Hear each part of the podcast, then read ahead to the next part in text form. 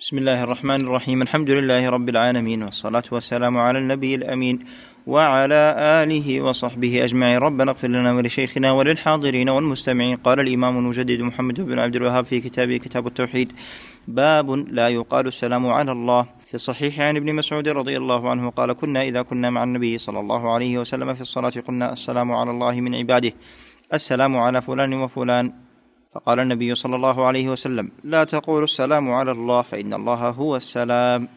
بسم الله الرحمن الرحيم الحمد لله رب العالمين صلى الله وسلم وبارك على نبينا محمد وعلى آله وأصحابه أجمعين. أما بعد هذا الباب يبين فيه المؤلف رحمه الله تعالى أنه يجب على العبد أن يلتزم الأدب مع الله تبارك وتعالى.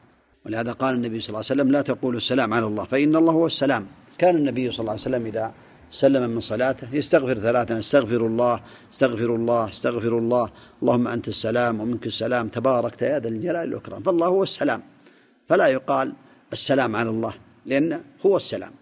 والسلام هو السالم من العيوب الموصوف بالكمال في أسمائه وصفاته من كل وجه من الوجوه والمسلم لعباده الذي يعطي السلامة من كل مكروه سبحانه وتعالى. هذا هو المعنى الذي يجمع معنى السلام وهو من أسماء الله تعالى الحسنى. نسأل الله لنا ولكم العلم النافع والعمل الصالح. التوفيق لما يحب ويرضاه. صلى الله على محمد. سمع قال الإمام ابن باز رحمه الله وإياه في شرحه لهذا الباب. قوله لا تقولوا السلام على الله فإن الله هو السلام. السلام له معنيان. الأول أي هو السالم من كل نقص وعيب فله الكمال المطلق من جميع الوجوه. في ذاته وأسمائه وصفاته وأفعاله. الثاني المسلم لعباده أي الذي يعطي السلام فلا يقال السلام على الله لأن هذا دعاء والله غني عن أحد وليس بحاجة إلى دعاء الناس وإنما المشروع هو تعظيمه وتقديسه والإيمان بأنه موصوف بصفات الكمال وأنه المحسن والضار. يعني والضار النافع لعله سقط من كلام المفرغ الذي فرغ الأشرطة لأنه الضار يقرن بالنافع الضار المعطي المانع الخافض الرافع نعم.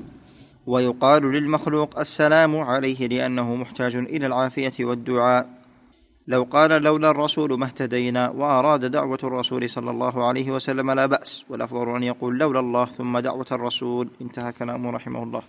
صلى الله عز وجل لنا ولكم العفو والعافية في الدنيا والآخرة.